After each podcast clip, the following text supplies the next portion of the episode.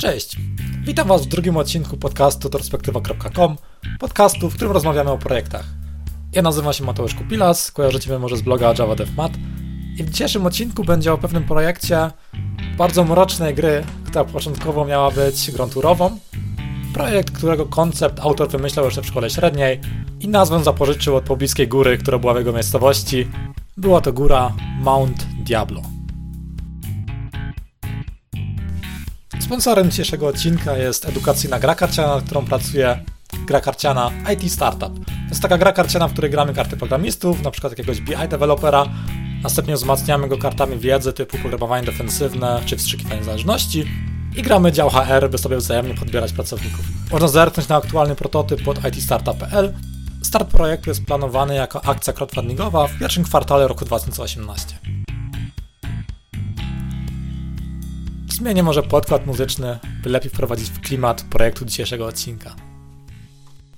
Zanim odpalę soundtrack, po którym nostalgia zacznie wylewać się z głośników, ciekawostka odnośnie rekrutacji tego artysty, który stworzył muzykę do gry oraz efekty dźwiękowe.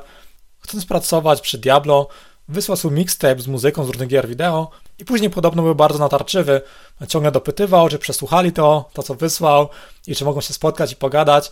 I pewnego razu, jak zadzwonił e, do głównego designera, do Davida Brewika, e, czy przesłuchali jego mixtape i, i po prostu czy mogą się spotkać, bo to już któryś raz jak dzwonił i głupio mu było powiedzieć, że jeszcze nie przesłuchał i w końcu stwierdził, ok, zatrudniamy cię, bierzemy cię.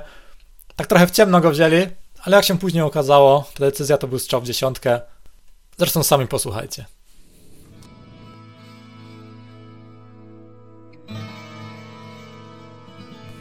Jest to muzyka z wioski Tristram w pierwszym Diablo, zresztą drugim chyba też była ta muzyka. I dla mnie osobiście jest to najlepsza muzyka, jaką kiedykolwiek słyszałem w grze komputerowej. Na drugim miejscu może jest e, Chrono Cross z pierwszego PlayStation, tam też były świetne utwory. No to zaczynamy historię projektu, historię pierwszej gry z serii Diablo. Całość będzie omawiana z punktu widzenia Davida Brewika, głównego programisty gry, jednego z co-founderów Blizzard North, głównego designera gry oraz autora oryginalnego konceptu gry Diablo. Miał on to szczęście, że już od najmłodszych lat wiedział, co chce w życiu robić. Od młodych lat miał dostęp do komputera, ponieważ kiedyś jego ojciec przyniósł do domu komputer Apple II i tam zaczęła się fascynacja, zaczęło się programowanie oraz masowe granie w gry. Dawid bardzo dużo czasu w szkole średniej rozmyślał, jaki projekt by tu zrobić, co by ciekawego stworzyć swoimi umiejętnościami, jaką, jakby nazwać swój projekt. Tak jak już na wstępie wspominałem, w jego miejscowości była taka góra, Mount Diablo i stwierdził, że kiedyś, kiedyś wykorzysta tą świetną nazwę, kiedyś stworzy swoje Diablo. Po zakończeniu swojej edukacji pracował w paru miejscach, jednak później zdecydował się na założenie własnej firmy, firmy, którą nazwał Condor. Firma Condor utrzymywała się głównie z różnych kontraktów na gry, jednak wymyślali oni własne projekty, własne koncepty. Jeden z tych głównych konceptów była właśnie gra Diablo, gra, która początkowo miała być grą turową, typowo turową RPG. Miała ona również zawierać um, takie dodatki, jak Magic the Gathering, jak Magic the Gathering ma takie boosterki z kartami. Tak samo Diablo początkowo w pierwszym koncepcie miało mieć takie dodatki w postaci płyt CD. Zamawiacie sobie płytę CD, dokupujecie płytę, na której macie jakieś nowe itemki, jakąś nową maczugę, nową zbroję, takie boosterki do gry. Koncept ten szybko upadł, ale warto wiedzieć, że był to początkowy pomysł. Oprócz tego w grze miało występować tak zwane Climation, Cly Animation. Jest to taka animacja, e, którą kojarzycie może z takich figurek z plasteliny, gdzie mamy jakąś figurkę z plasteliny, robimy jej zdjęcie, następnie tą figurkę trochę przekształcamy, robimy kolejne zdjęcie i tak dalej. W początkowej fazie projektu, w początkowym koncepcie, właśnie tak mieli wyglądać wszyscy przeciwnicy, wszystkie postacie, miały to być um, takie zdjęcia właśnie jakichś takich figurek, ale później stwierdzili, że tyle musieliby tych modeli zrobić, tyle zdjęć by musieli zrobić, no, że jednak, jednak e, rezygnują z tego pomysłu. Wracając do kontraktów, które miała firma Condor, były to kontrakty od różnych wydawców. Jednym z tych kontraktów było stworzenie gry Justice League Task Force, taki klon Street Fightera na Sega Genesis. Aktualny stan gry Justice League Task Force mieli zaprezentować na konferencji CDS, było to jeszcze przed czasami konferencji jak na przykład E3 i tam zobaczyli, że pewna firma prezentowała również dokładnie ten sam produkt, tylko na Super Nintendo, również było to Justice League Task Force, również klon Street Fightera. Projekty były tak bardzo podobne, miałeś naprawdę wrażenie, jakby to robiła ta sama firma, tylko jedna firma robiła to na Sega Genesis, druga na Super Nintendo. I była to firma e, Silicon and Synapse. firma Condor oraz firma Silicon and Snaps zaczęli oczywiście rozmawiać. Nic o sobie nie wiedzieli, nie wiedzieli, że dla tego samego wydawcy robią tę samą grę, tylko jedni dla, dla, na platformę Sega Genesis, drugi, drudzy na konsolę Super Nintendo. Podczas rozmowy okazało się, że firma Silicon Snaps chciała sprzedać aktualną firmę i stworzyć własną grę na PC. Mieli zamiar zmienić nazwę firmy na Blizzard oraz wydać grę, którą chcą nazwać Warcraft. Po czym Dawid z firmy Kondo również wspomniał, że w sumie o tym samym myślimy, też chcemy wydać coś własnego, tylko że z tym konceptem, który mamy, koncept gry Diablo, byliśmy z tym już 25 wydawców i nikt nie chce zainwestować w grę RPG. Dodatkowo ten pomysł, że chcemy wydawać takie dodatki, takie boosterki, jak Magic the Gathering, jakoś to wydawcom nie podoba. Świeżo upieczona firma Blizzard obiecała, że jeżeli tylko skończą pracować nad Warcraft 1, to chętnie ich wysłuchają i zdecydują, czy inwestują w ich projekt, czy zainwestują w stworzenie gry Diablo. Po wysłuchaniu wszystkiego na temat, na temat projektu, jaki miało być Diablo, Blizzard uznał, że jest to świetny pomysł, gra wygląda super, no tylko są dwa problemy. Po pierwsze, nie ma to być gra turowa, i po drugie, koniecznie musi być to multiplayer. O ile co w przypadku multiplayera nie było kontrowersji, Dawid po prostu się trochę bał, że nie dają rady go stworzyć, ponieważ e, Diablo było pisane w C i był to pierwszy program, który w życiu, w życiu pisał w C. Pisanie pierwszego w życiu programu w C i od razu rzucanie się na multiplayer, no jest to głęboka woda. W przypadku odejścia od, od wersji turowej, od gry turowej do gry czasu rzeczywistego. Tutaj było najwięcej kontrowersji. Dawid uwielbiał gry turowe, e, wspominał jak to e, uwielbiał mieć taką sytuację, w której wykonał jakąś turę, dostał mu jeden punkt życia w jakiejś grze typu roguelike, gdzie mamy, gdzie mamy do czynienia z permadeath, czyli umieramy musimy grać od początku, coś jak właśnie w wersji hardcore, która później weszła do Diablo i mamy te emocje związane z podejmowaniem decyzji i nie wyobrażam sobie tego e, w grze czasu rzeczywistego. Jednak udali się do kuchni, wszyscy udali się do kuchni i stwierdzili, że zrobią głosowanie, um, czy mamy do czynienia z real time, czy będzie to gra turowa. Jak się okazało, um, na tak zagłosował oczywiście Dawid, a cała reszta ekipy zagłosowała na nie. I tak decyzja zapadła.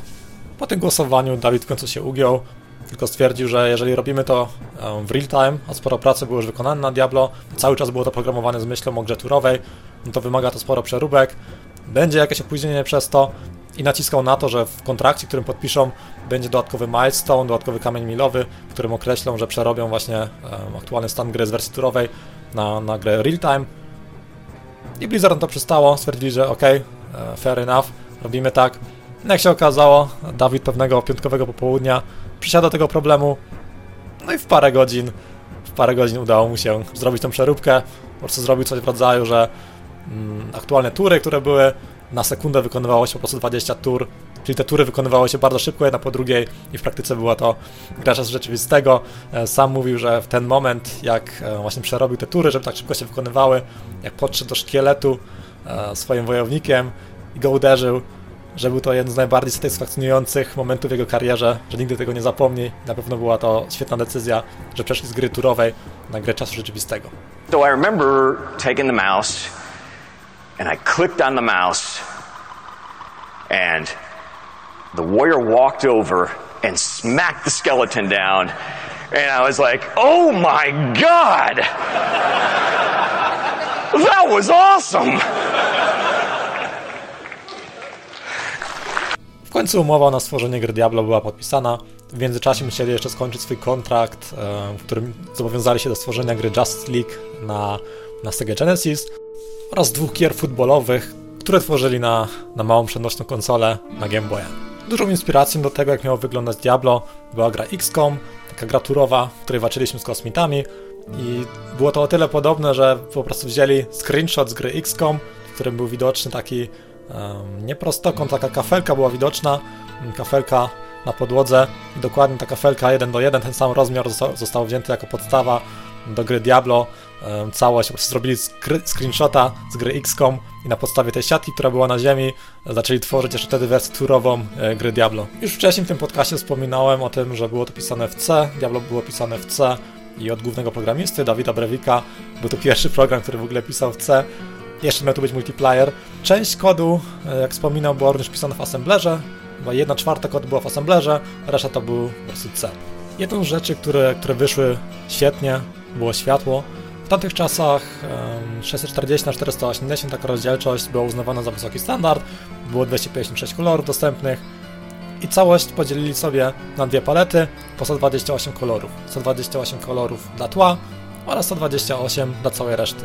Czyli mieliśmy takie dwa bloki 8x16, każdy kolor e, miał 16 poziomów jasności, czyli mieliśmy 8 kolorów i od, od lewej do prawej był od najjaśniejszego do najciemniejszego, czy odwrotnie. Dwa, były dwa takie bloki 8x16, jedna paleta dla tła i jedna paleta dla wszystkiego, co jest z przodu. Czyli każdy raz e, narysowany sprite, który był w grze, każda animacja składająca się sprite'ów przechodziła właśnie przez, e, przez pewne obliczenia związane związane z tym, jak będzie wyglądało światło.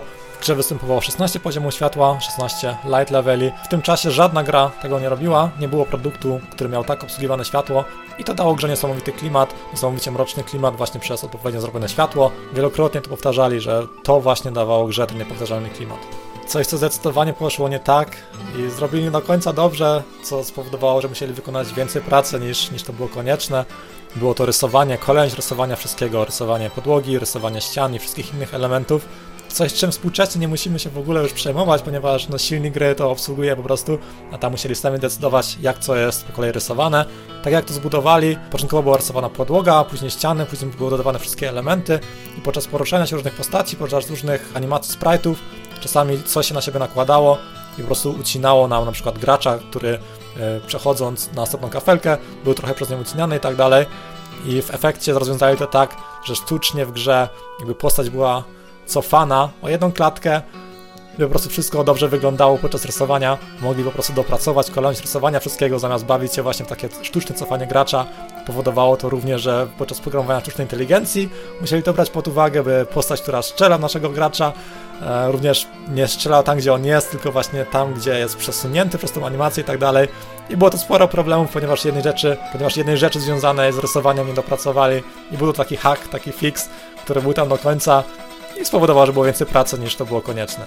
Kolejna rzecz, która zdecydowanie poszła nie tak, był to budżet na projekt.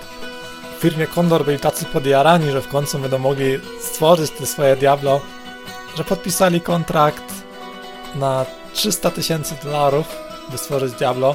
Niektórym może się to wydawać dużo, ale pamiętajmy, że firma Condor to było wtedy 15 osób, czyli wychodzi rocznie 20 tysięcy dolarów na głowę, po odliczeniu różnych kosztów, biura i tak dalej. To było jakieś 12 tysięcy dolarów rocznie, czyli 1000 dolarów miesięcznie, by pracować na Diablo, crunchować i nie mieć życia prywatnego. Jej. Przyznają, że byli wtedy najgorszymi biznesmenami na świecie.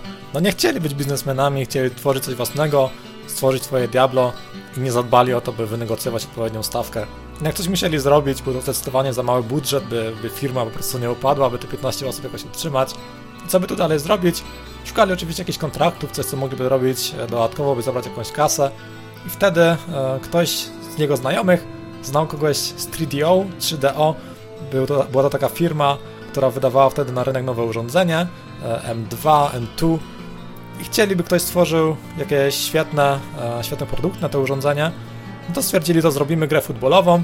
E, robili już wcześniej gry futbolowe na Game Boya i podpisali kontrakt na stworzenie e, gry futbolowej na te nowe urządzenie od 3DO i dostali za ten kontrakt, za stworzenie tej gry futbolowej, milion dolarów. Mieli o tyle szczęścia, że nie musieli kończyć tego projektu na tę grę futbolową, ponieważ um, ten produkt, ten, te urządzenie M2 nigdy nie zostało wypuszczone na rynek, ponieważ um, technologie M2 zostały sprzedane za 100 milionów dolarów więc sobie każdy zyskał ich demo technologiczne, wstępna wersja tej gry, e, gry futbolowej. Te demo technologiczne przyczyniło się do tego, że technologia mogła zostać sprzedana za tak wysoką kwotę i był to układ, gdzie każdy skorzystał. Oni stworzyli demo technologiczne, które pozwoliło sprzedać technologię. E, firma 3DO sprzedała technologię za 100 milionów dolarów i był to budżet, który pozwolił im wystartować jako wydawnictwo. Firma Condor nadal miała problemy, niby mieli milion trzysta tysięcy dolarów w kieszeni, też zresztą nie, było, nie były to pieniądze, które mieli od razu na koncie, ponieważ e, w kontrakcie było ustalone, że mają płacone za konkretne kamienie milowe, czyli jak wykonali konkretną część pracy, dostawali jakąś tam kasę i w międzyczasie firma urosła już do 20 pracowników, więc no był problem z miesiąca na miesiąc, by płacić wszystkim. Jednak pod koniec roku 95 Blizzard zaproponował, że wykupią firmę Condor i Dawid Brewik odetchnął z ulgą, że w końcu nie musi się o to martwić, by z miesiąca na miesiąc czy ma w ogóle z czego zapłacić swoim pracownikom. Potem jak firma Condor oficjalnie ogłosiła, że planują zostać wykupieni przez firmę Blizzard, firma 3DO się również tym zainteresowała, stwierdziła, że dobrze się z nim pracowało i zaczęło się licytowanie, kto ile zapłaci za firmę Condor.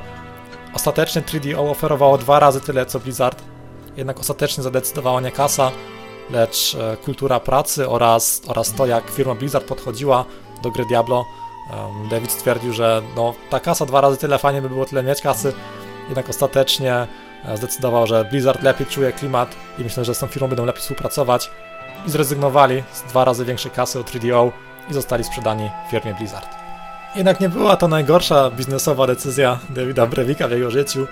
Jakoś pod koniec, pod koniec lata 2016 e, wpadł do niego mm, znajomy jego kolegi, który stwierdził, że robi pewien biznes, chce robić e-mail przez internet, jak to powiedział, chce oferować e-mail przez internet i oferuje mu 10% swojej firmy, jeżeli tylko udostępni mu e, jedno biuro.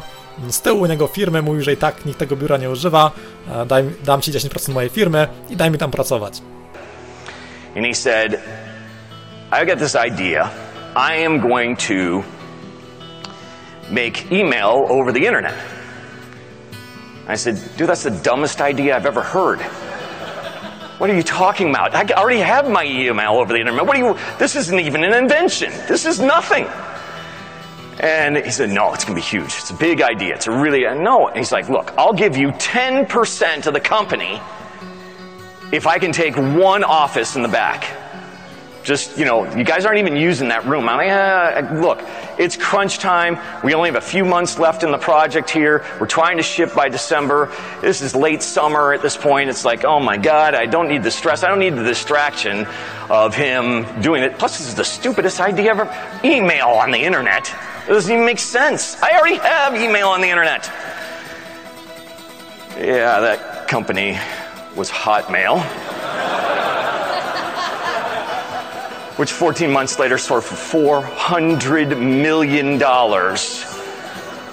of which 10% could have been mine, which is now worth $280 million. Tak jak słyszeliście, tą firmą było Hotmail. 14 miesięcy później ta firma była warta 40 milionów dolarów.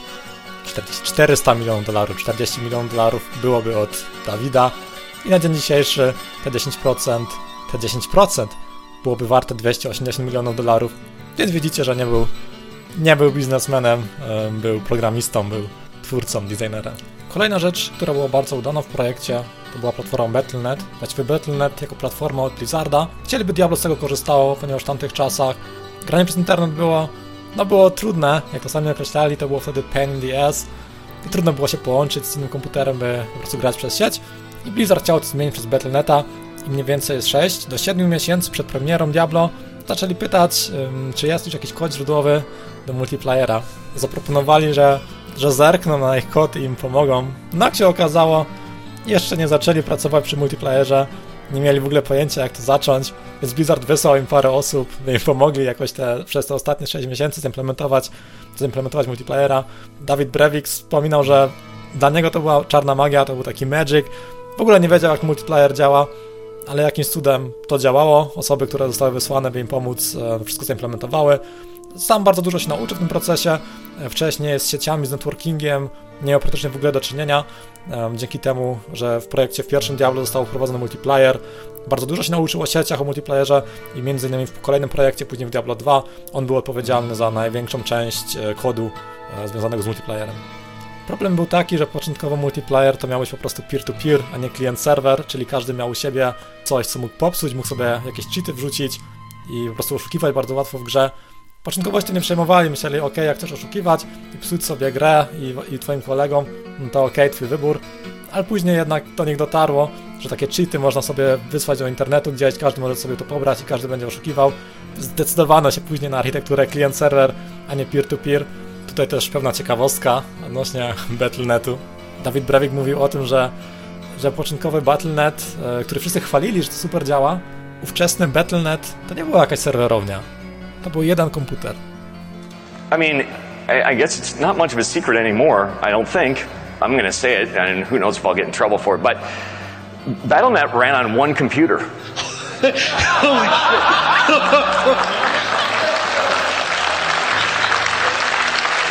that is bonkers.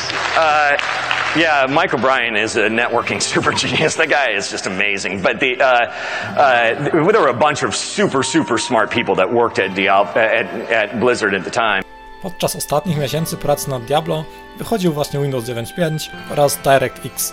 Um, DirectX bardzo ułatwiał odpalanie gier. Gdy całość mieliśmy z poziomu DOSu, to musieliśmy wybierać, jaką mamy kartę graficzną, dźwiękową. Trzeba było trochę znać na sprzęcie, by to wszystko po prostu uruchomić. A z DirectX to ułatwiał. Klikamy tylko dalej, dalej, dalej, instalujemy i wszystko magicznie działa. Dostali oni wtedy propozycję od twórcy DirectXa, że jeżeli przygotują jakieś demo technologiczne, jakieś demo Diablo, które działa z DirectX, to wyślą to demo do ponad miliona osób przez magazyn PC Gamer i oczywiście zgodzili się na to. I w listopadowym numerze PC Gamera, który wyszedł tak naprawdę w październiku, była dostępna wersja, pierwsza wersja, taka demo, publiczna wersja Diablo. W wersji demo było jeszcze widać, że trochę rzeczy jest do dopracowania.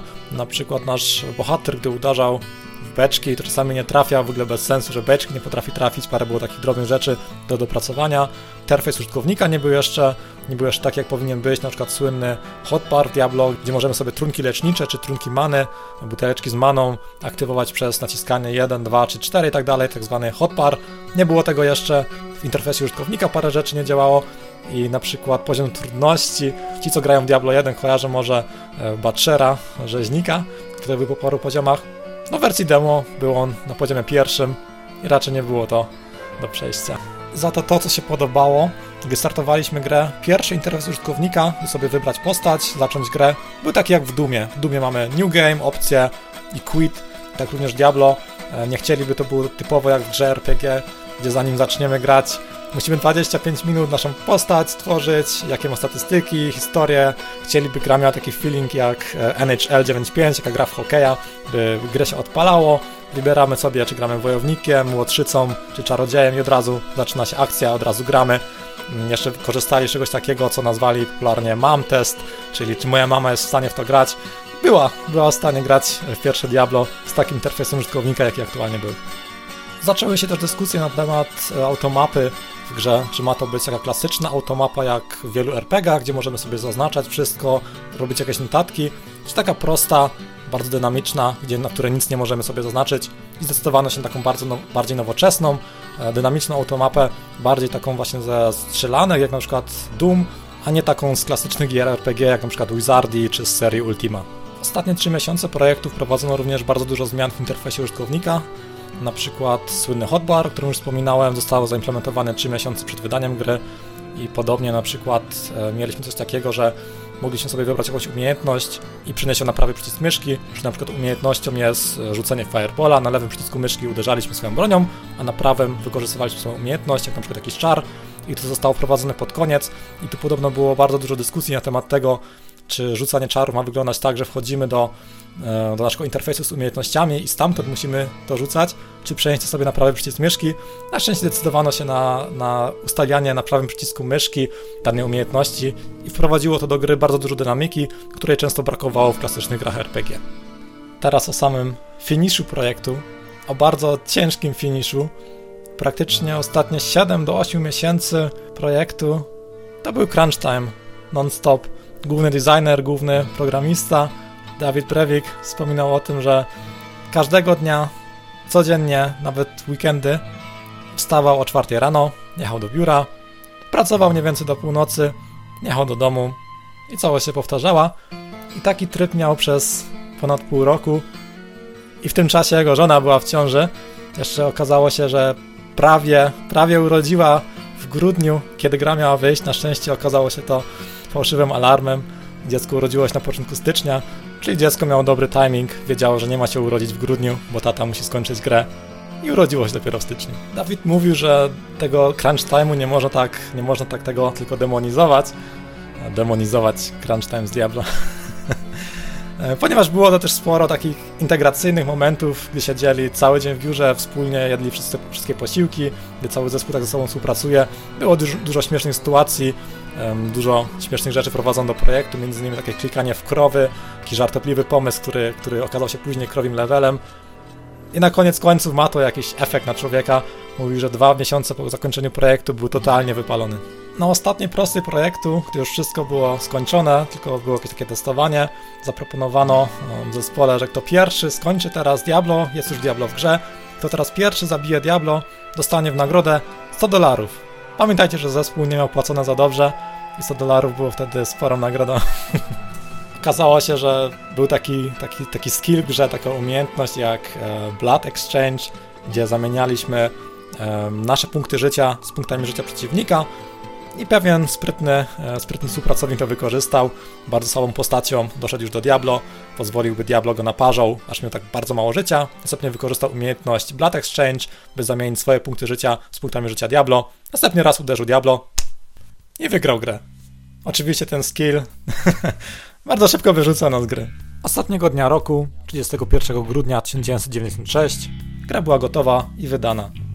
Ostatecznie wydana gra otrzymała praktycznie same wysokie noty, masę nagród od największych portali związanych z grami, od największych magazynów gier, mm, masę nagród gry roku i do dzisiaj jest to klasyk gatunku. Ja czasami ciężko uwierzyć, ile przypadków się znowu złożyło na to, by Diablo zostało ukończone, że masa ludzi za kiepskie pieniądze musiała pracować nad tym, harować, wyciskać siebie ostatnie poty. Widzimy jednak, że jest to, jest to brutalna branża. To już wszystko na dzisiaj. Wszystko w dzisiejszym odcinku podcastu perspektywa.com. Dziękuję Wam bardzo za słuchanie. Mam nadzieję, że się Wam podobało. Jeżeli macie ochotę wesprzeć ten podcast, zapraszam na retrospektywa.com ukośnik wsparcie. Tam możecie przeczytać, jak możecie wesprzeć podcast, nawet bez wydawania pieniędzy. Jest to dopiero drugi odcinek tego podcastu. Dajcie proszę znać, jak się Wam podoba, czy kontynuować taki typ treści. Postaram się na przyszłość, by były to również wywiady z osobami, e, które ukończyły jakiś swój projekt i była to retrospektywa z jakiegoś projektu na podstawie typowego wywiadu, ale jak zawsze wszystko wyjdzie w praniu. Zobaczymy, mam nadzieję, że do dwóch tygodni dostarczę Wam następny odcinek. Docelowo chciałbym, by, było to, by był to podcast cotygodniowy, ale z tym nie jest tak łatwo. Zobaczymy, jak wyjdzie. Na dzisiaj Wam bardzo dziękuję. Cześć.